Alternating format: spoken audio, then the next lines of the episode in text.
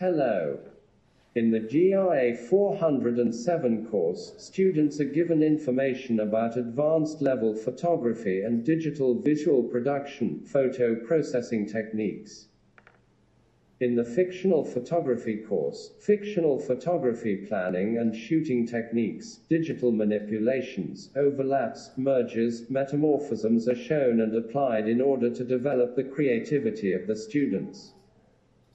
The subject of the image is theoretically taken into consideration and the effectiveness of visual production and communication through an environment in which the image is so strong is exemplified.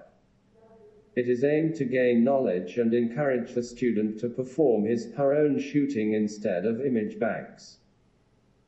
The student develops ideas for fictional photography and makes sketches, applies and presents the selected sketches using shooting and processing techniques.